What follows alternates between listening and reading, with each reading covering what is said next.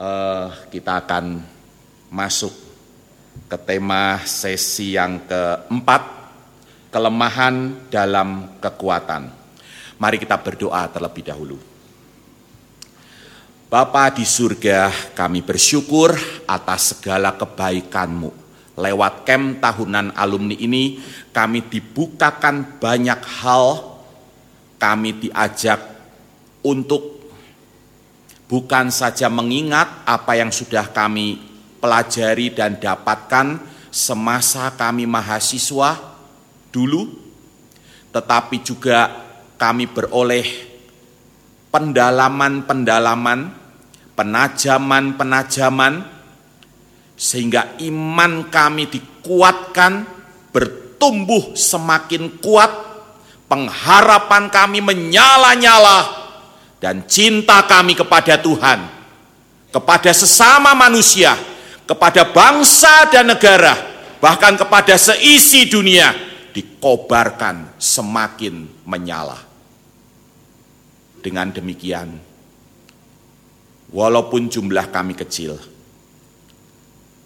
kami percaya kami bisa melakukan sesuatu yang berarti bagi dunia ini dan bagi bangsa kami.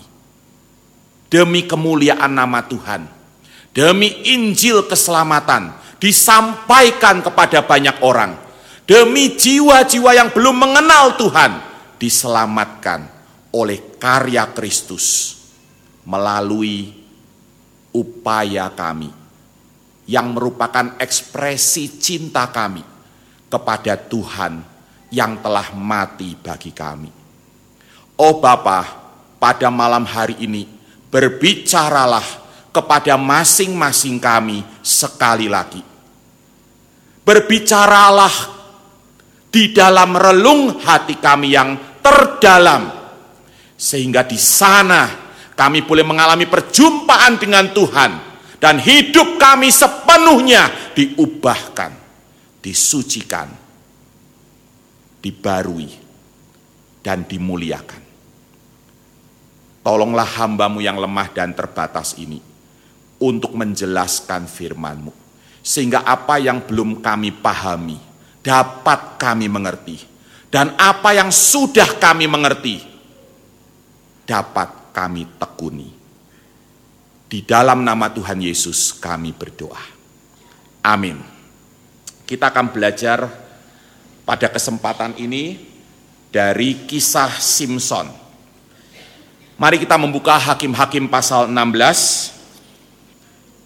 Cukup panjang, kita akan baca dengan cepat. Bergantian, saya akan mulai. Pada suatu kali ketika Simpson pergi ke Gatsa, dilihatnya di sana seorang perempuan sundal lalu menghampiri dia.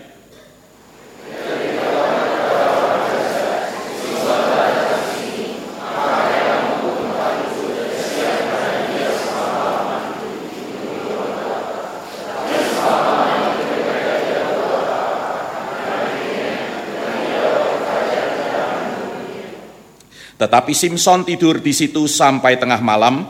Pada waktu tengah malam bangunlah ia, dipegangnya kedua daun pintu gerbang kota itu dan kedua tiang pintu. Dicabutnyalah semuanya beserta palangnya, diletakkannya di atas kedua bahunya, lalu semuanya itu diangkatnya ke puncak gunung yang berhadapan dengan Hebron.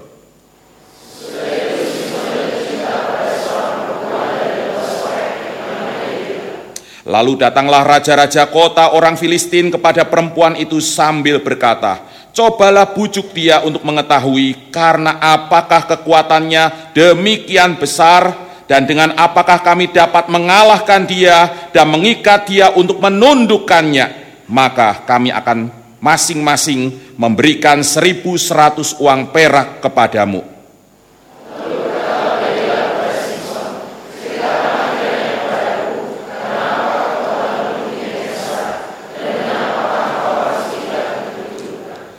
Jawab Simpson kepadanya, jika aku diikat dengan tujuh kali, tujuh tali busur yang baru, yang belum kering, maka aku akan menjadi lemah dan menjadi seperti orang lain mana pun juga.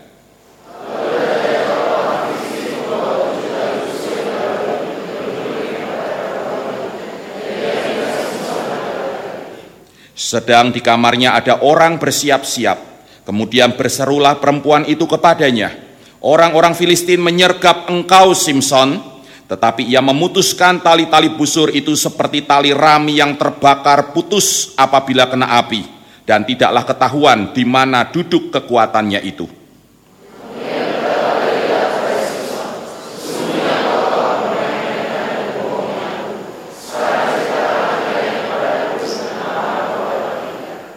Jawabnya kepadanya, jika aku diikat erat-erat dengan tali baru yang belum terpakai untuk pekerjaan apa pun, maka aku akan menjadi lemah dan menjadi seperti orang lain mana pun juga.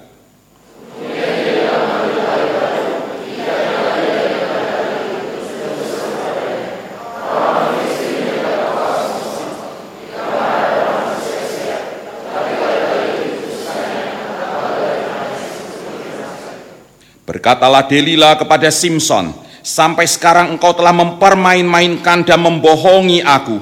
Ceritakanlah kepadaku dengan apakah engkau dapat diikat.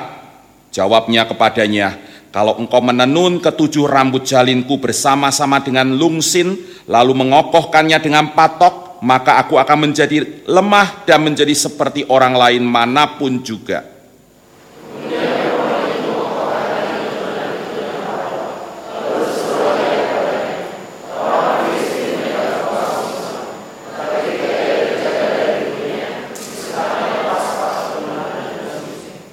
Berkatalah perempuan itu kepadanya, "Bagaimana mungkin engkau berkata, 'Aku cinta kepadamu,' padahal hatimu tidak tertuju kepadaku? Sekarang telah tiga kali engkau mempermain-mainkan aku dan tidak mau menceritakan kepadaku, karena apakah kekuatanmu demikian besar?"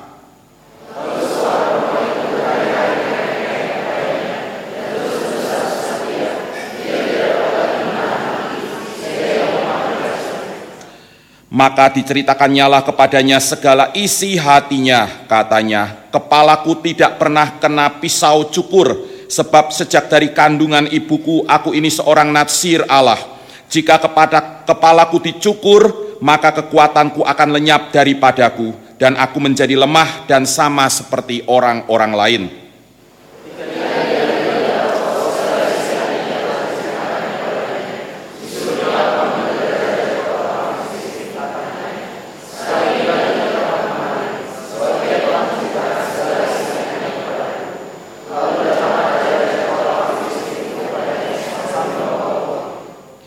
Sesudah itu dibujuknya Simpson tidur di pangkuannya, lalu dipanggilnya seorang dan disuruhnya mencukur ketujuh rambut jalinnya, sehingga mulailah Simpson ditundukkan oleh perempuan itu, sebab kekuatannya telah lenyap daripadanya.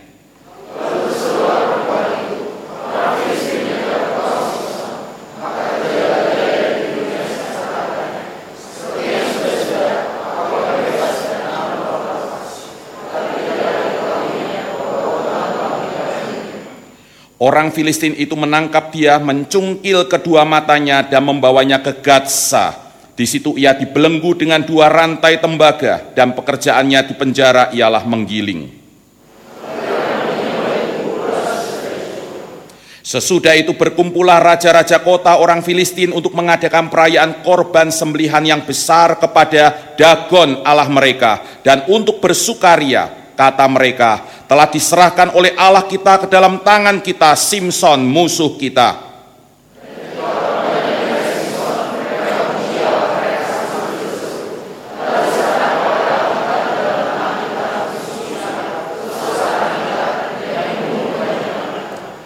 Ketika hati mereka riang gembira, berkatalah mereka, panggillah Simpson untuk melawak bagi kita. Simpson dipanggil dari penjara, lalu ia melawak di depan mereka. Kemudian mereka menyuruh dia berdiri di antara tiang-tiang.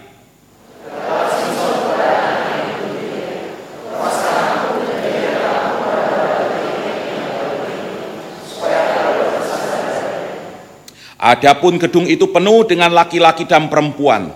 Segala raja kota orang Filistin ada di sana. Dan di atas sotoh ada kira-kira 3.000 orang laki-laki dan perempuan yang menonton lawak Simpson itu.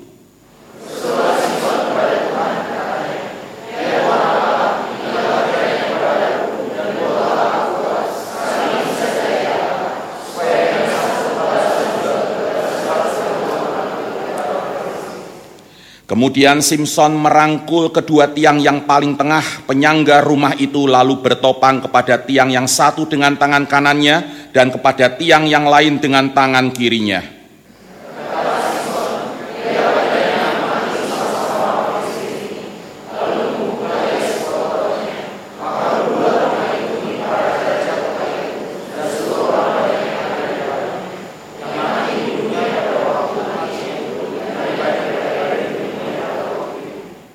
Sesudah itu datanglah ke sana saudara-saudaranya dan seluruh keluarganya. Mereka mengangkat dia dan membawanya dari sana, lalu menguburkannya di antara Sora dan Esitaol di dalam kubur Manoah ayahnya. Dia memerintah sebagai hakim atas orang Israel 20 tahun lamanya. Demikian firman Tuhan. Uh, ada yang tanya keluarga saya seperti apa? Supaya tidak penasaran, ini keluarga kami. Yang paling kanan sebelah saya itu putri kedua, Kristi, panggilannya Titi. Sebelah kiri saya, bukan anak saya, yaitu istri saya, Yanti Purwonegoro. Sebelahnya lagi anak pertama kami, Krista Angelina, panggilannya Tata. Dan yang paling kiri, Christopher Toto. Tata sudah bekerja di Kuala Lumpur, Malaysia Titi sedang kuliah jurusan psikologi di Unika Sugia Pranoto Semarang. Christopher kelas 1 SMP, sedang kasmaran dia, anak zaman now. Ya, nah kami punya punya moto apa itu family? Family bagi kami adalah singkatan Father and Mother I love you. Dengan moto ini kami berharap bukan saja anak-anak kami mencintai orang tua mereka, tetapi juga kami semua berlima di tengah kehidupan bergereja di mana ada orang-orang tua di sekitar kami yang lebih tua dari kami. Kami semua ingin mencintai orang-orang tua itu. Istri saya saat ini melayani, dia mulai pelayanan sekarang sudah empat tahun, pelayanan namanya Pondok Lansia.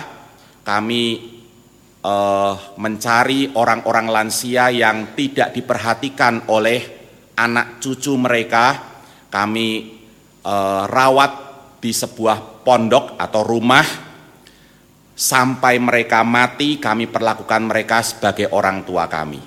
Ya, itu sebabnya kami punya moto family, father and mother, I love you.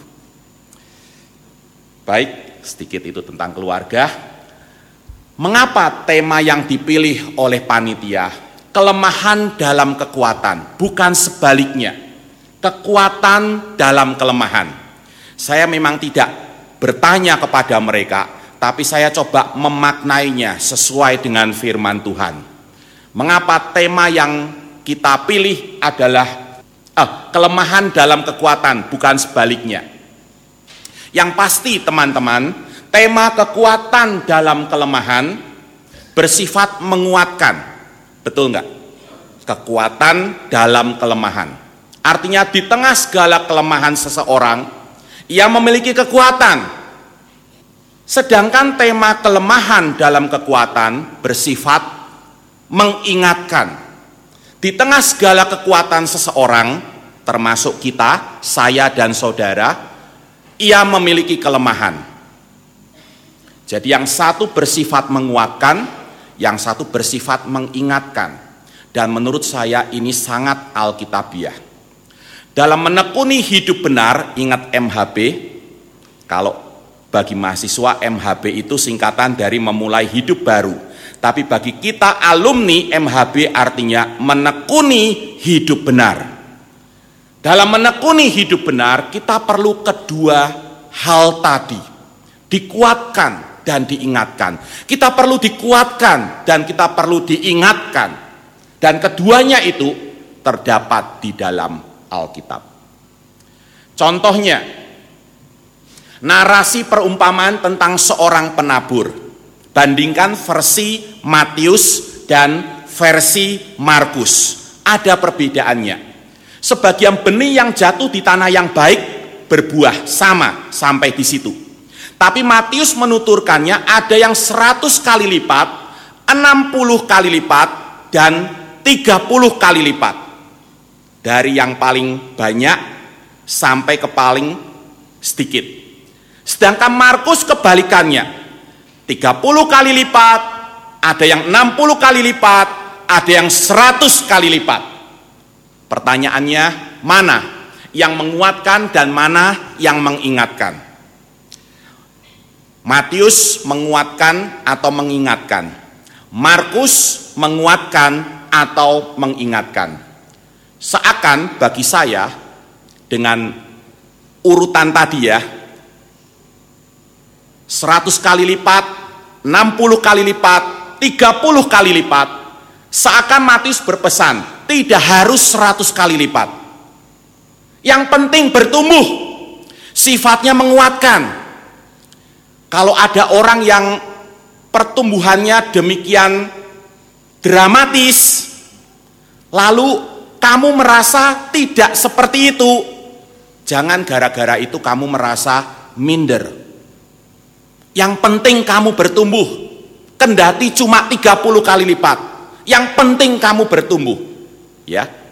Sedangkan Markus seakan berpesan jika bisa 100 kali lipat. Mengapa tidak? Sifatnya mengingatkan. Jelas sampai di sini? Kalau jelas saya akan masuk lebih dalam. Jika kedua semangat itu menguatkan dan mengingatkan itu dipadukan, pesannya adalah ini: be the best of you. Jangan ukur dirimu dengan orang lain, tapi jadilah dirimu yang terbaik. Kamu bukan Bang Sagala, kamu bukan Kak Erik, kamu bukan Bang Alex, tapi kamu bisa jadi dirimu yang terbaik. Jelas? Ini sangat penting dan sebetulnya uh, kisah Simpson mengajarkan kita tentang itu. Tema kelemahan dalam kekuatan mengajak kita untuk bukan saja senantiasa rendah hati, karena ternyata di tengah segala kekuatan yang ada pada kita, kita punya kelemahan. Kita harus rendah hati. Tapi bukan cuma itu.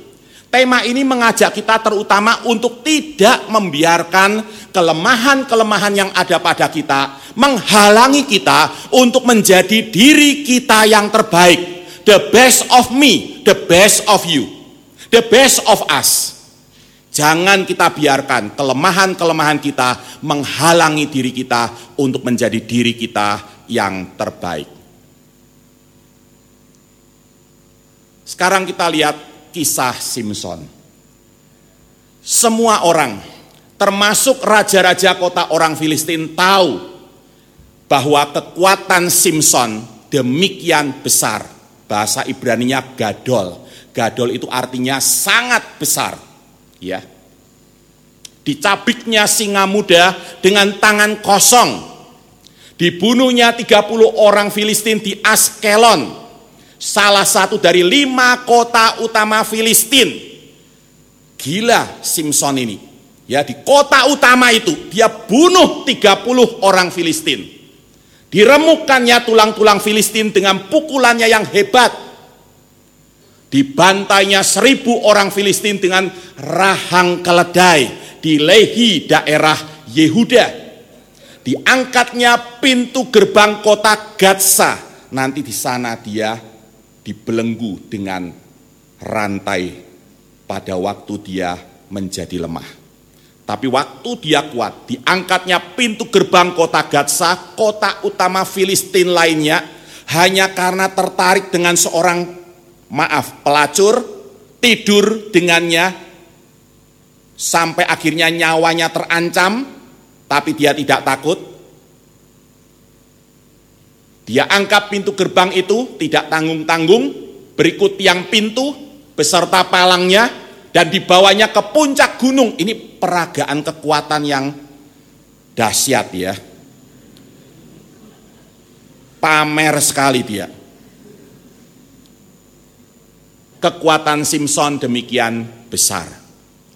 Tidak heran banyak perempuan tergila-gila dengannya. Dia ini laki banget. Nah, apa rahasianya?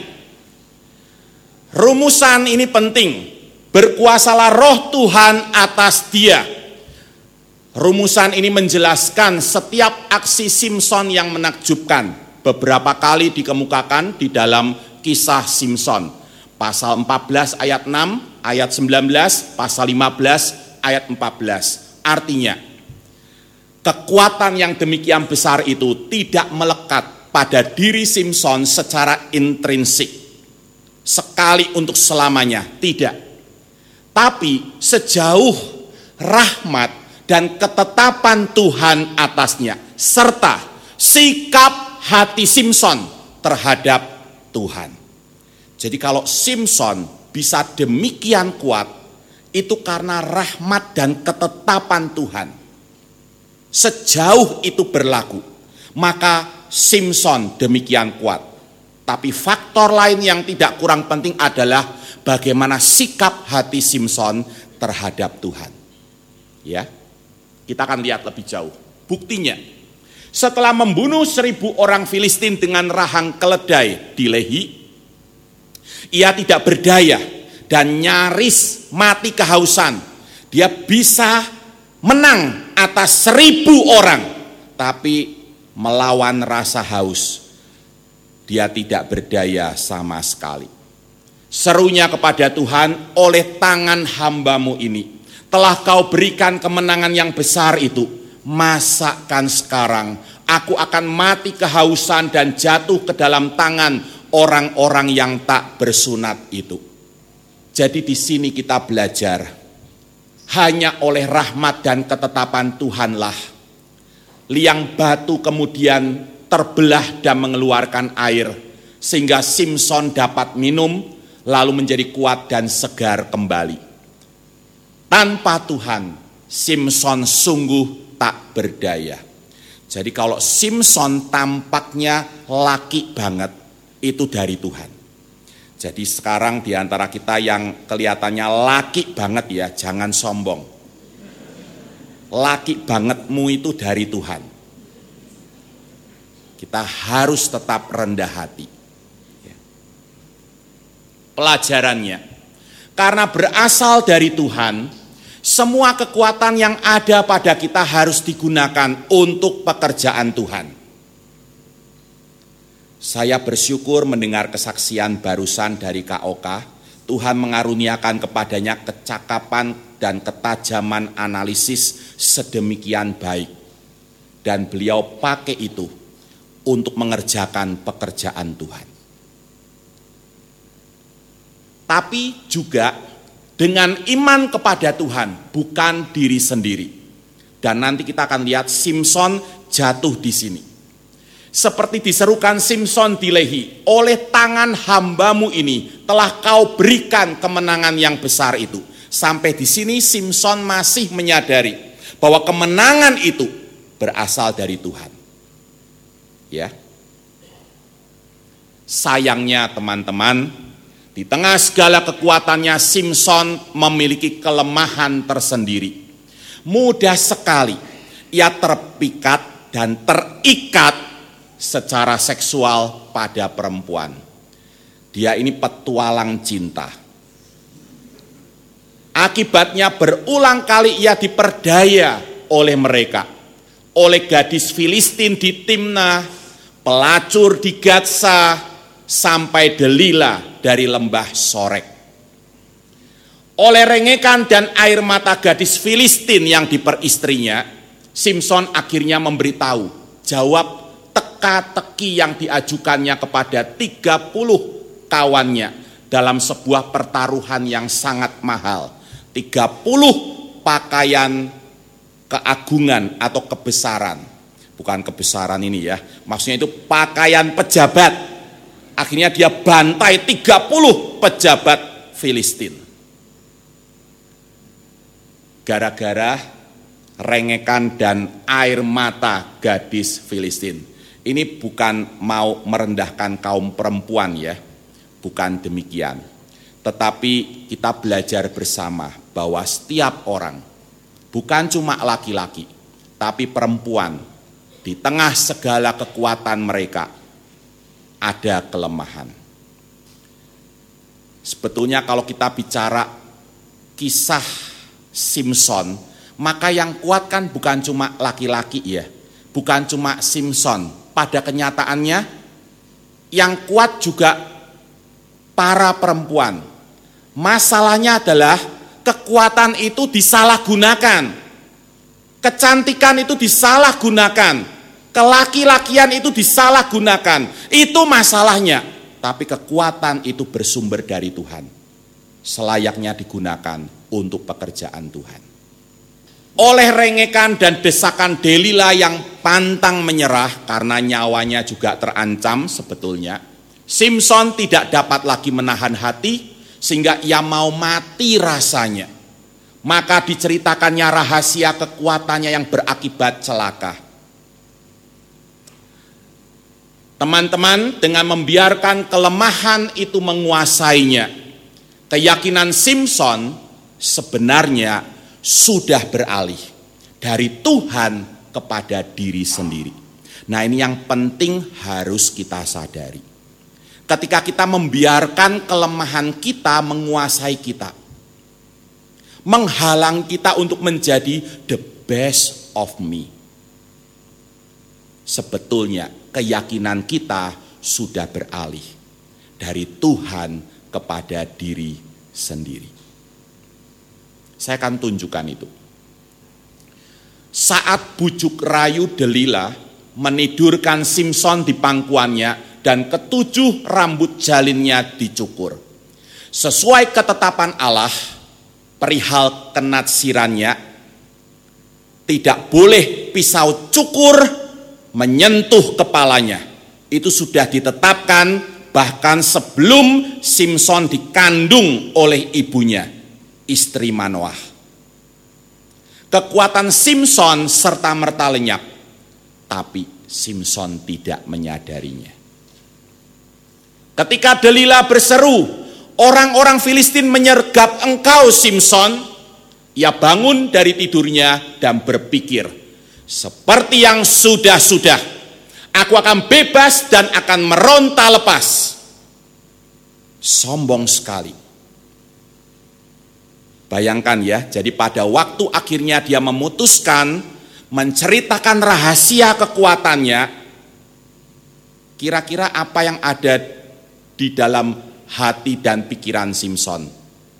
Ah, enggak apa-apa, aku akan tetap kuat. Keyakinannya sudah beralih dari Tuhan kepada dirinya.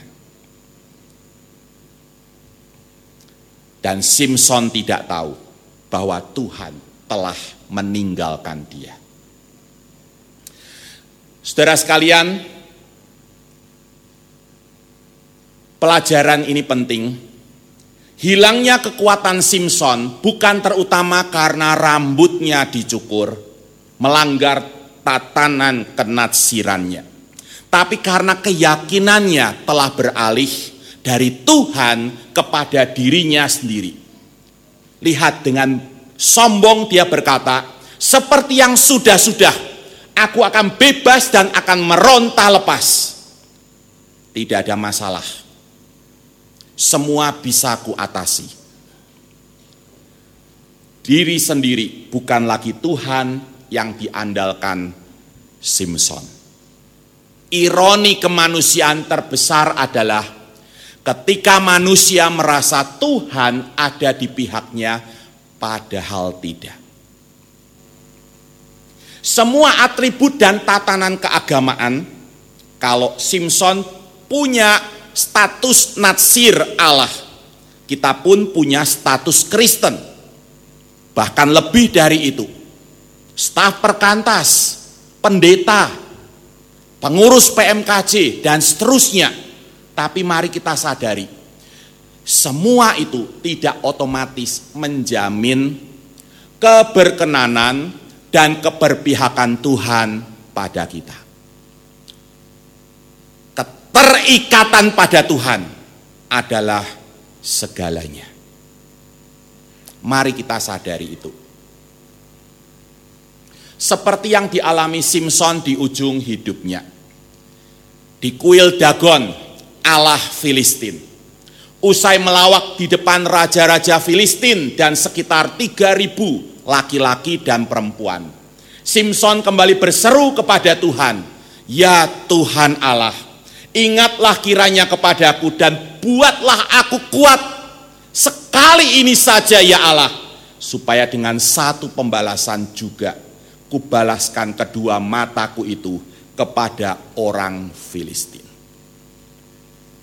Kita lihat di sini, terlepas dari kelemahan Simpson, hatinya sangat pahit jelas dengan matanya yang dicungkil dan penghinaan yang dia alami. Terlepas dari itu, keyakinannya kembali kepada Tuhan, tidak lagi pada dirinya. Lalu, sambil bertopang pada kedua tiang utama bangunan itu, satu dengan tangan kanannya, dan satu lagi dengan tangan kirinya ia memohon, biarlah kiranya aku mati bersama-sama orang Filistin ini. Dan Allah menjawabnya. Dengan segenap kekuatannya, Simpson berhasil merubuhkan bangunan itu sehingga menimpa semua orang yang ada di sana. Semua raja kota orang Filistin dan 3000 laki-laki dan perempuan. Prestasi ini tidak pernah dicapai sebelumnya oleh Simpson. Yang mati dibunuhnya pada waktu matinya lebih banyak daripada yang dibunuhnya pada waktu hidupnya. Teman-teman, kita lihat di sini sesuatu yang indah. Biasanya di ujung hidupnya manusia tidak dapat berbuat banyak seperti sebelumnya. Betul nggak? Keadaan fisik semakin merosot, ingatan semakin berkurang, ketajaman semakin luntur. Tapi Simpson sebaliknya. Justru prestasinya memuncak di ujung hidupnya. Dan apa rahasianya? Kembali, keterikatan pada Tuhan itu yang membuat Simpson menjadi dirinya yang terbaik. The best of him. Nah, Yanti istri saya, salah satunya terinspirasi oleh kisah Simpson ini ketika melihat banyak kaum lansia ditelantarkan oleh anak cucu mereka kami pernah masuk ke sebuah kampung, di sebuah rumah yang reot. Di sana bau sekali, masuk ke dalam rumah itu langsung baunya sangat menyengat karena antara manusia dan kotorannya sudah sulit dibedakan. Kami hari itu saya ingat sekali, itu sangat mengharukan. Kami angkat seorang nenek tua yang sangat bau dan tidak terawat padahal anaknya tinggal di rumah itu juga. Kami bawa dia dan ialah penghuni pertama pondok lansia. Harapan istri saya sederhana, selama hidupnya dia begitu menderita. Biarlah di sisa hidupnya ini dia bisa menikmati cinta kasih Tuhan dan menjadi dirinya yang terbaik. nenek itu sudah mati. Tapi mati dalam keadaan sangat wangi, sangat cantik, dan membuat haru banyak orang. Keterikatan pada Tuhan akan menjadikan kita, diri kita yang terbaik. Karena bangsa galah waktu awal ketemu saya di ruangan ini bertanya tentang Krista dan Bang Sagala bilang sungguh ajaib keadaan Krista saya mendoakannya setiap hari maka saya ingin persembahkan kisah ini lima tahun lalu di bangku kelas 3 SMA Tata difonis menderita penyakit autoimun namanya miastenia gravis, MG. namanya bagus ya, tapi amit-amit jangan sampailah ada yang mengalami ini. Kelemahan otot penggerak yang tidak dapat disembuhkan. Jika letih, kelebihan pasukan dalam tubuhnya akan memblokir perintah dari otak dari otak ke otot-otot penggerak. Ia bisa mendadak jatuh, sulit bicara, kelopak mata tertutup, dan yang paling mengerikan gagal nafas. Kalau gagal nafas berarti berakhir hidupnya. Ya.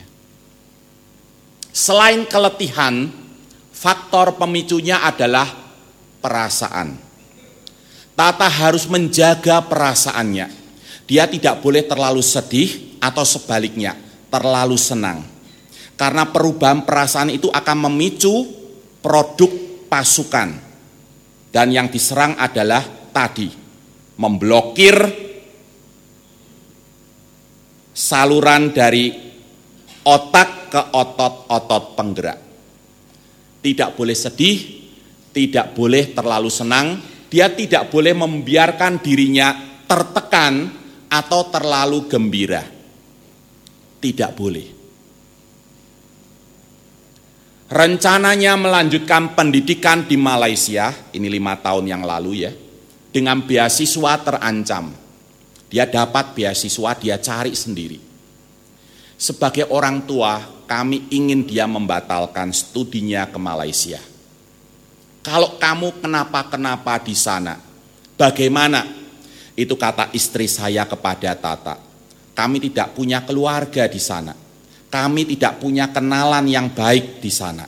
Memang ada beberapa rekan alumni perkantas, tapi kami tidak merasa dekat dengan mereka. Suatu malam saya melihat Tata membaca berita di laman Facebooknya teman baiknya di Bandung juga penderita MG, sama-sama hobinya basket, ya. Meninggal akibat gagal nafas waktu bermain basket. Tata sejak insiden tubuhnya tidak bisa digerakkan waktu dia membawa bola itu ke uh, pihak musuh tiba-tiba jatuh dan tidak bisa menggerakkan apa pun dia trauma. Sejak itu dia tidak pernah main basket. Nah teman baiknya ini tetap main basket, sama-sama penderita MG meninggal akibat gagal nafas. Tata meneteskan air mata. Dan malam itu di kamar Tata saya merangkulnya tanpa bisa berkata apa-apa saya merasakan malam itu hati saya terasa sangat sakit. Saya merasa tak berdaya menolong anak kami sendiri. Tapi malam itu saya merasa Tata jauh lebih tabah ketimbang saya. Saya menangis sesenggukan di samping dia. Tata hanya meneteskan air mata. Esoknya Tata mendatangi saya. Dia berkata, Pah, Tata bisa memilih untuk menyerah dengan keadaan Tata.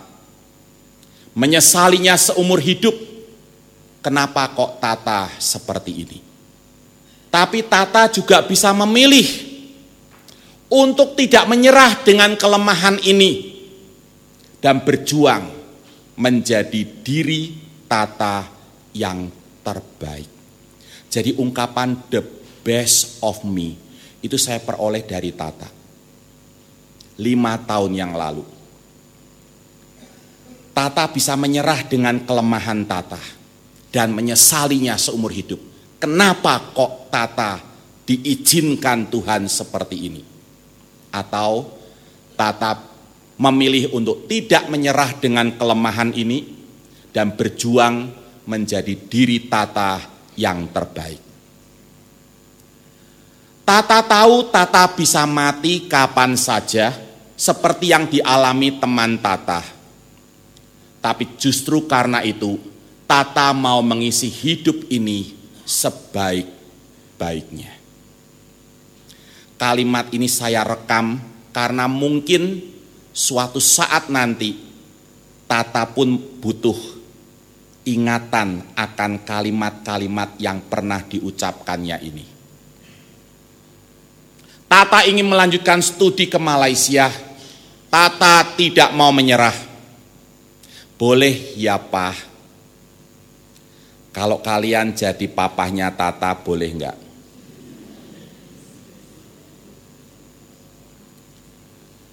Mendengar itu saya tidak bisa melarangnya.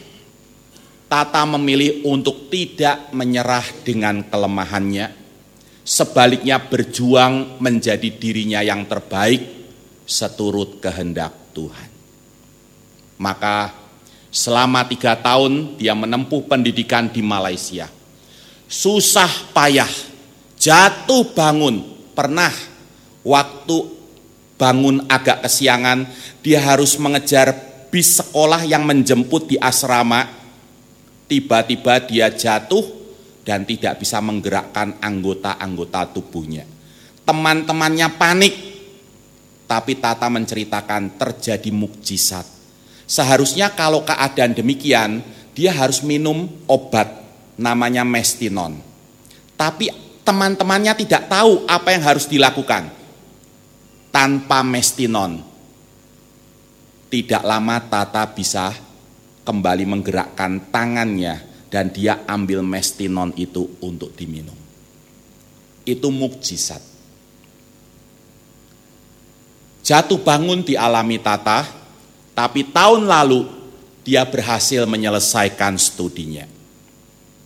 Dan bukan cuma selesai, Tata menjadi lulusan terbaik bukan hanya di jurusannya, di kampusnya. Hari itu waktu wisuda kami diundang duduk di tempat paling terhormat, paling depan menyaksikan penghargaan untuk Tata.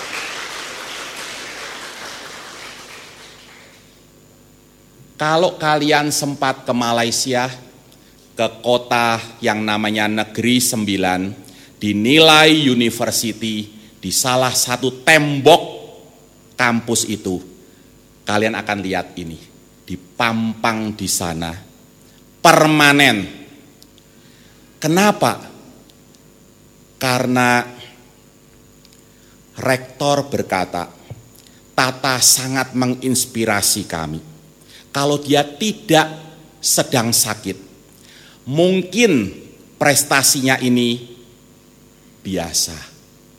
Tapi karena dia sakit dan dia berjuang, maka gambarnya harus diabadikan. Dan bukan cuma itu, ternyata kisah Tata ini menginspirasi banyak wartawan sampai dimuat di salah satu harian terkemuka. Kami ikut sedikit terkenal.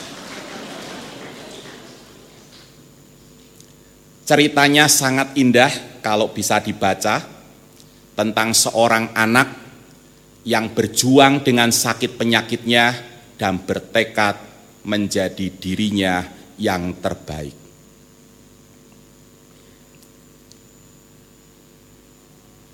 Saya teringat kepada sebuah iklan televisi tentang seorang ibu sekaligus olahragawati yang melatih anaknya menjadi pelari cepat. Mungkin teman-teman juga ingat. Ini salah satu iklan terbaik menurut saya sampai hari ini. Sang ibu melatih anaknya menjadi pelari cepat. Di awal ada godaan dalam hati sang ibu untuk mengalah agar anaknya merasa senang bisa mengimbangi kecepatan lari ibunya. Namun sang ibu berkata dalam hati, kalau aku mengalah, aku belum menang. Maka ia pun berlari secepat mungkin setiap kali berlari bersama anaknya. Demikian seterusnya. Sampai akhirnya sang anak mampu mendahului ibunya. Ketika itulah Nah ini yang bikin saya merinding setiap kali menyaksikan iklan ini. hati sang ibu berucap, ketika dia berhasil mengalahkanku, ketika itulah aku menang. Teman-teman, ini yang ingin saya sampaikan dari hati saya yang paling dalam.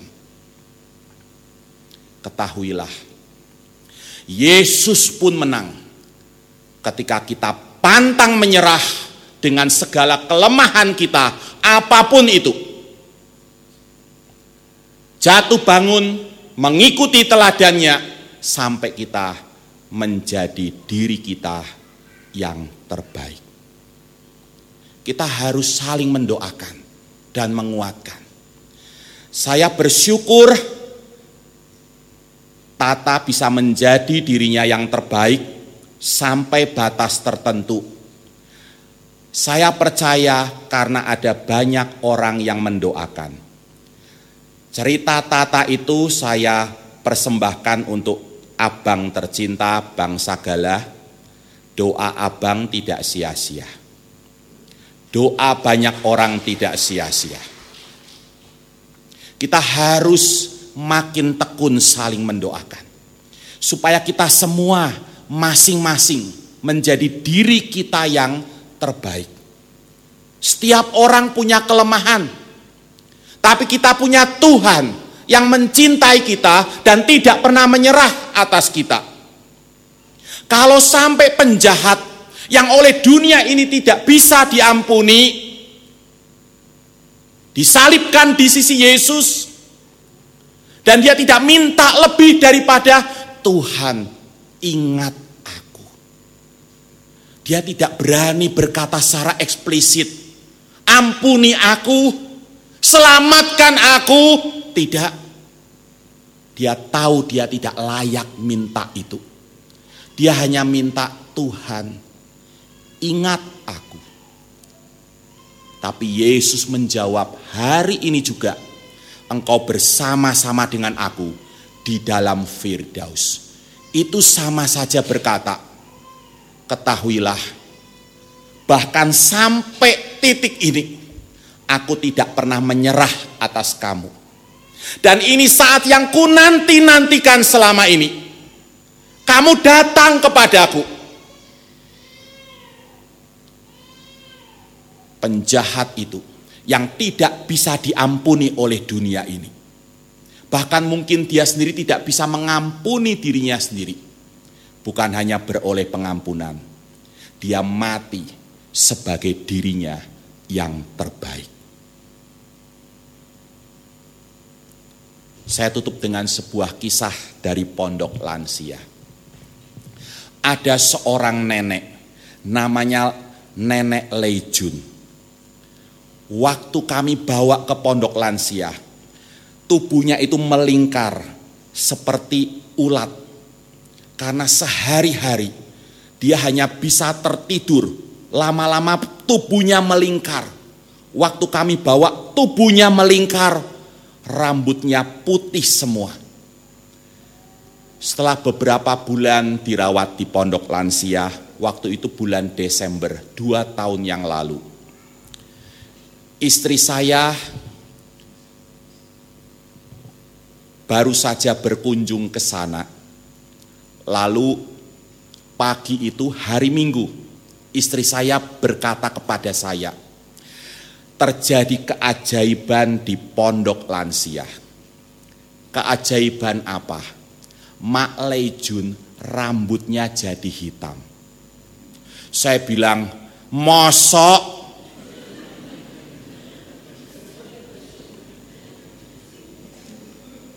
Siapa yang nyemer rambutnya? Ndak, ndak ada yang nyemer. Saya juga merasa tadinya ada yang nyemer. Saya tanya semua staf yang ada di sana, siapa yang nyemer rambutnya Mak Leijun? Tidak ada. Saya kan penasaran ya. Saya pikir ini omong kosong. Semua ini omong kosong. Selesai khotbah minggu itu siangnya saya bergegas ke pondok lansia saya langsung menuju dan masuk ke dalam kamarnya Mak Leijun. Dia sedang terbaring di sana, tidak lagi melingkar, tubuhnya sudah bisa tidur dengan baik dan saya melihat rambutnya memang jadi hitam. Tidak semua hitam, tapi kebanyakan hitam. Lalu saya menyapa Mak Lejun, Mak, apa yang terjadi? Nopo toju? Dia tanya demikian ya. Kenapa toju? Dia panggil saya cucu. Rambut emak ini loh, kenapa jadi hitam? Siapa yang nyemir rambutnya mak? Ora ono. Aku yo bingung kok. Tahu ya maksudnya ya? Saya juga bingung. Kenapa rambut saya jadi hitam? Dan hari itu saya melihat wajah Mak Lejun seperti malaikat. Penuh dengan damai dan sukacita. Saya sampaikan ini kepada teman-teman untuk menegaskan sekali lagi bahwa segala kekuatan itu berasal dari Tuhan. Keterikatan pada Tuhan. Kalau kita tidak membiarkan kelemahan menghalangi kita untuk tetap berpaut pada Tuhan dan jalan di jalan Tuhan, percayalah keajaiban demi keajaiban akan terjadi. Moto pondok lansia kami adalah menjadikan usia lanjut, usia yang bermakna. Dan hari itu saya melihat hidup Mak Lejun bukan hanya diperbarui secara rohani, juga secara lahiriah diperbarui oleh Tuhan. Dan dia Mak Lejun sudah mati, tapi matinya jauh sekali dari yang kami duga saat kematiannya. Jauh sekali. Waktu kami bawa dia ke pondok lansia, kami berpikir dia hanya akan bertahan beberapa bulan. Sejak kami bawa sampai dia meninggal dunia, jumlahnya empat tahun. Empat tahun yang sangat indah di dalam Tuhan ada keselamatan, ada pembaruan, ada keajaiban. Amin. Mari kita tundukkan kepala.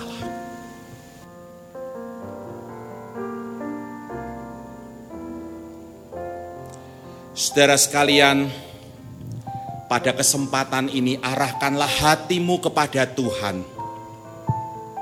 Pandanglah wajah Tuhan yang menyinarimu dengan sinar rahmat dan anugerahnya yang tak berkesudahan wajah Tuhan wajah yang lembut wajah yang manis penuh kecintaan wajah yang memandang kita tanpa pernah menyerah untuk menjadikan diri kita yang terbaik dia kenal hati kita dia kenal siapa kita. Dan dia ingin kita menyadari bahwa kita sangat berharga di matanya.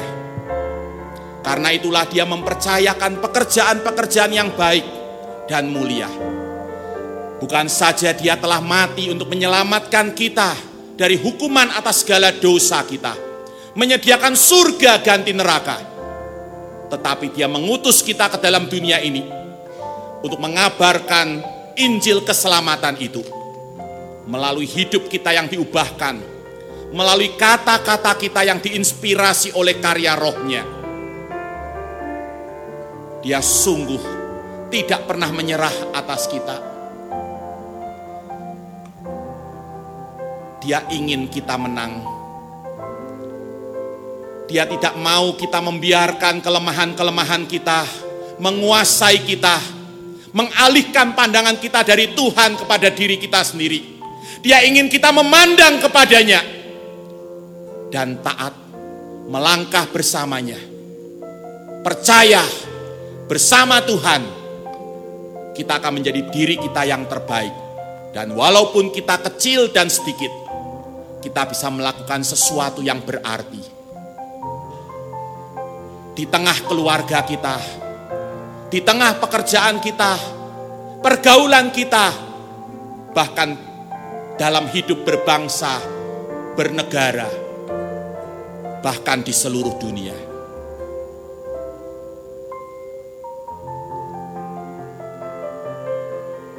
Mari kita perbarui penyerahan diri kita kepada Tuhan malam ini. Mari kita menyadari, melampaui semua harta benda, kedudukan, kenyamanan, fasilitas yang boleh kita nikmati saat ini. Anugerah terbaik di atas segala berkat Tuhan lainnya, tidak lain dan tidak bukan adalah putra tunggalnya yang dikaruniakan menjadi manusia sama dengan kita. Melayani kita sebagai teladan yang indah dari cinta kasih Tuhan. Dan mau menanggung segala dosa dan hukuman kita.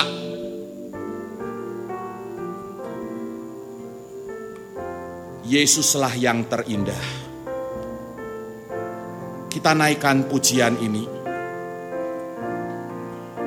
karena hanya Dia yang terindah. Kau yang terindah, Kau yang terindah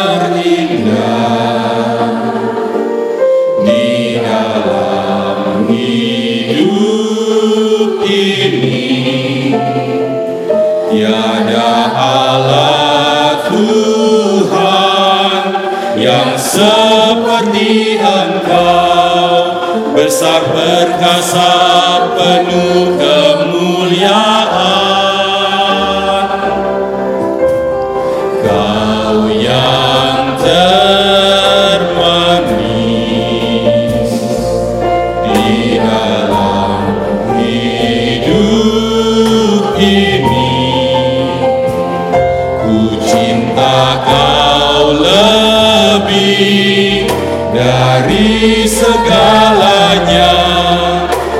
besar kasih setiamu kepadaku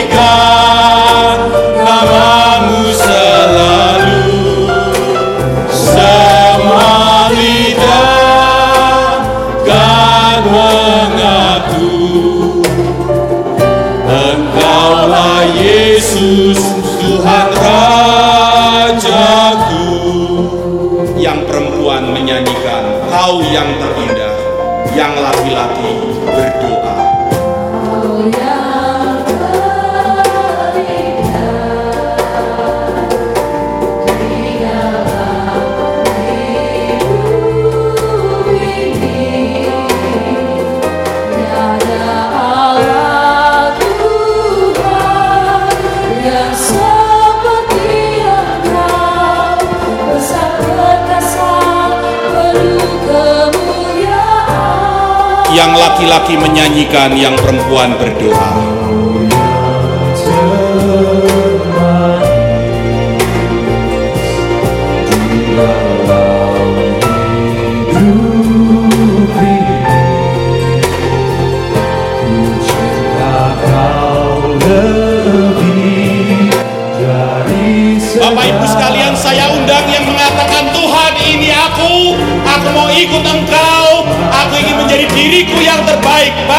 Berdiri. Mari bangkit berdiri, ku sembah kau ya Allahku, ku tinggikan namamu.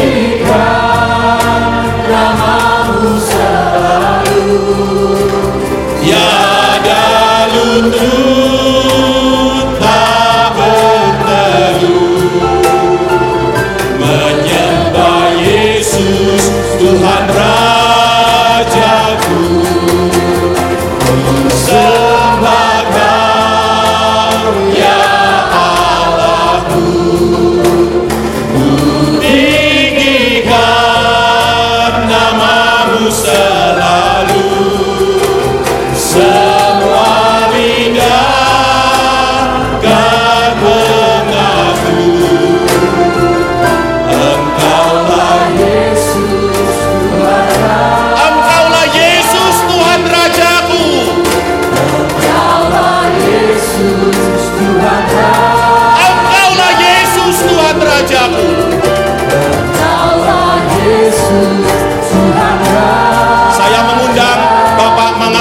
Sagala untuk berdoa bagi kita semua. Bapak Pendeta Mangapul Bapa di surga, inilah salah satu tujuan daripada KTA sebagaimana hambamu sudah sharingkan di awal KTA ini dan juga di setiap KTA. Kami datang ke sini untuk menyembah Engkau. Sempurnakanlah pujian kami, kiranya dengan segala kelemahan keterbatasan kami. Tuhan menyempurnakan pujian kami, doa kami, hati yang menyala, pikiran yang terpusat untuk meninggikan Engkau. Karena Engkaulah Tuhan yang ajaib. Tuhan layak menerima segala yang terbaik dari kami umat tebusanmu yang sudah engkau bayar lunas dengan pengorbanan Tuhan yang tiada tara. Darah yang tercurah bagi kami. Terima kasih ya Bapak yang baik. Firmanmu begitu jelas kami dengar pada malam ini. Bagaimana Simpson yang begitu hebat? Karena Tuhan. Tetapi di sana dia bisa sangat menderita. Ketika mengabaikan Tuhan, ketika bermain-main dengan karunia Tuhan. Tetapi kami diajar lagi ketika Simpson kembali menyadari ketidakberdayaannya bahwa seluruh kekuatannya ada padamu maka yang terbaik dari Simpson Tuhan karuniakan. Ribuan alumni sudah dibina ya Bapak sejak perkantas ada. Dari satu KTA kepada satu KTA. Yakinkanlah kami semua pada malam ini bahwa Allah sanggup memakai kami masing-masing dengan segala kekurangan, keterbatasan kami, ketidakmungkinan kami menurut kami. Terima kasih Tuhan. Firmanmu yang kau tegaskan kepada hambamu Paulus dalam 2 Korintus 12 ayat 9. Dalam kelemahanlah kuasaku menjadi sempurna. Malam ini sangat jelas terang benderang digenapi. Kami lihat dalam kehidupan Simpson. Tetapi bukan hanya kisah Simpson ribuan tahun yang lalu. Betapa dahsyatnya Tuhan yang kau menyatakan kuasamu yang sempurna kepada anakmu yang kau kasihi. Anak dari hambamu yang kau kasihi. Ketika kami mendengar tadi, seorang yang tidak berdaya, yang setiap saat akan segera mengakhiri hidupnya jika Tuhan berkenan. Di dalam kuasamu yang sempurna ternyata menjadi alumnus terbaik dari universitas di mana dia berada. Terima kasih Tuhan, hamba pun semakin diyakinkan mujizatmu nyata sampai saat ini. Kembali diingatkan, ketika hambamu mendengar dan melihat tata dalam segala ketidakberdayanya, Tuhan mengingatkan kami bahwa padamu tidak ada yang tidak mungkin. Terima kasih. Yakinkanlah setiap kami yang hadir malam ini Bapak bahwa engkau begitu mengasihi kami. Engkau begitu baik kepada kami. Dan bawalah kami terus kepada penyerahan penuh kepada engkau. Sehingga melalui hidup kami, nama Tuhan dipermuliakan. Nama Tuhan diagungkan.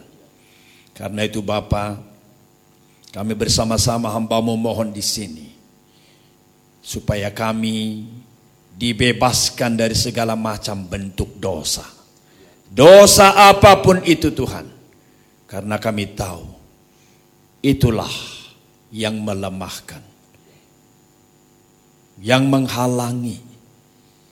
Yang menyerongkan berkat Tuhan yang dahsyat itu bisa terjadi atas kami. Karuniakan pertobatan sejati kepada kami semua. Kami tahu Tuhan, mungkin dosa-dosa tertentu kami lakukan. Tidak ada yang melihat, tetapi Tuhan melihat. Dan firman mengingatkan kami apa yang kami tabur akan kami tuai. Kami hamba-hambamu berdoa di sini. Memohon supaya semua alumni yang hadir ini Tuhan karuniakan malam ini juga pertobatan sejati, pembaharuan sejati. Dan ketika besok kami akan membahas firman-Mu, teladan Tuhan Yesus, makananku adalah melakukan kehendak Dia yang mengutus aku dan menyelesaikan pekerjaannya. Besok kami semua siap mengikuti teladan Tuhan. Di hadapan kami ada banyak pelayanan tugas mulia yang Tuhan sudah siapkan bagi republik ini. Sebagaimana saudara terkasih kami Oka tadi sudah menyampaikan. Bukan kebetulan kami ada di republik ini Tuhan. Tetapi biarlah kami semua besok menyatakan kesiapan kami untuk mempersembahkan yang terbaik bagi Tuhan di Republik Indonesia tercinta. Karena Tuhan sanggup melakukan mujizat demi mujizat. Terima kasih Bapak. Berkati setiap pribadi hubungannya denganmu. Berkati setiap suami istri yang bermasalah. Tuhan Yesus kami sadar ini juga menjadi masalah. Jikalau kami suami istri tidak bisa sepenuhnya saling menerima, saling mengasihi, setan akan merusak kami, pelayanan kami dan tidak bisa mempersembahkan yang terbaik. Tuhan hamba berdoa. Jika ada suami istri yang datang di sini bermasalah, kami hamba-hamba memohon pulihkanlah hubungan mereka supaya hati suami melekat kepada istrinya. Hati istri melekat kepada suaminya. Sebagaimana Tuhan karuniakan kepada kami hamba-hambamu ini. Terima kasih. Terpujilah engkau Bapa. Kami juga bersyukur untuk hambamu Erik. Terima kasih setelah bertahun-tahun kami berdoa. Akhirnya Tuhan mengirimkan kepada kami. Tiga session. Sungguh kami melihat keajaiban firman-Mu. Hidup yang dahsyat bila Tuhan diutamakan. Itulah yang kami lihat. Baik dari kehidupan Daud. Demikian juga dari kehidupan Simpson malam ini Daud pada yang pertama. Terpujilah engkau Bapa. Kami serahkan terus hambamu Erik pakai dia Tuhan. Berkati juga Yanti. Berkati juga anak-anak. Biarlah terus mujizat Allah nyata atasnya. Kami menyerahkan apa yang hambamu sampaikan tadi pagi. Apakah Tuhan akan membuka kesempatan kepadanya untuk masuk ke studi lebih lanjut. Berperang dalam dunia teologi di mana makin banyak orang tidak setia kepada firman-Mu dan kepada Tuhan. Semua kami serahkan kepadamu. Bila Tuhan berkenan, kerjakan mujizat-Mu dalam bagian ini. Tetapi bila Tuhan melihat yang terbaik tetap dalam penggembalaan ini. Sebagaimana kami melihat buah-buah yang nyata sudah dikerjakannya. Kami bersyukur kepadamu. Dengar dan sempurnakan doa kami. Terimalah ucapan syukur kami. Bagimulah segala pujian, sembah sujud kami. Seluruh alumni yang hadir malam ini juga yang tidak bisa hadir. Terpujilah Allah Tritunggal, Allah Bapa, Allah Anak dan Allah Roh Kudus. Amin.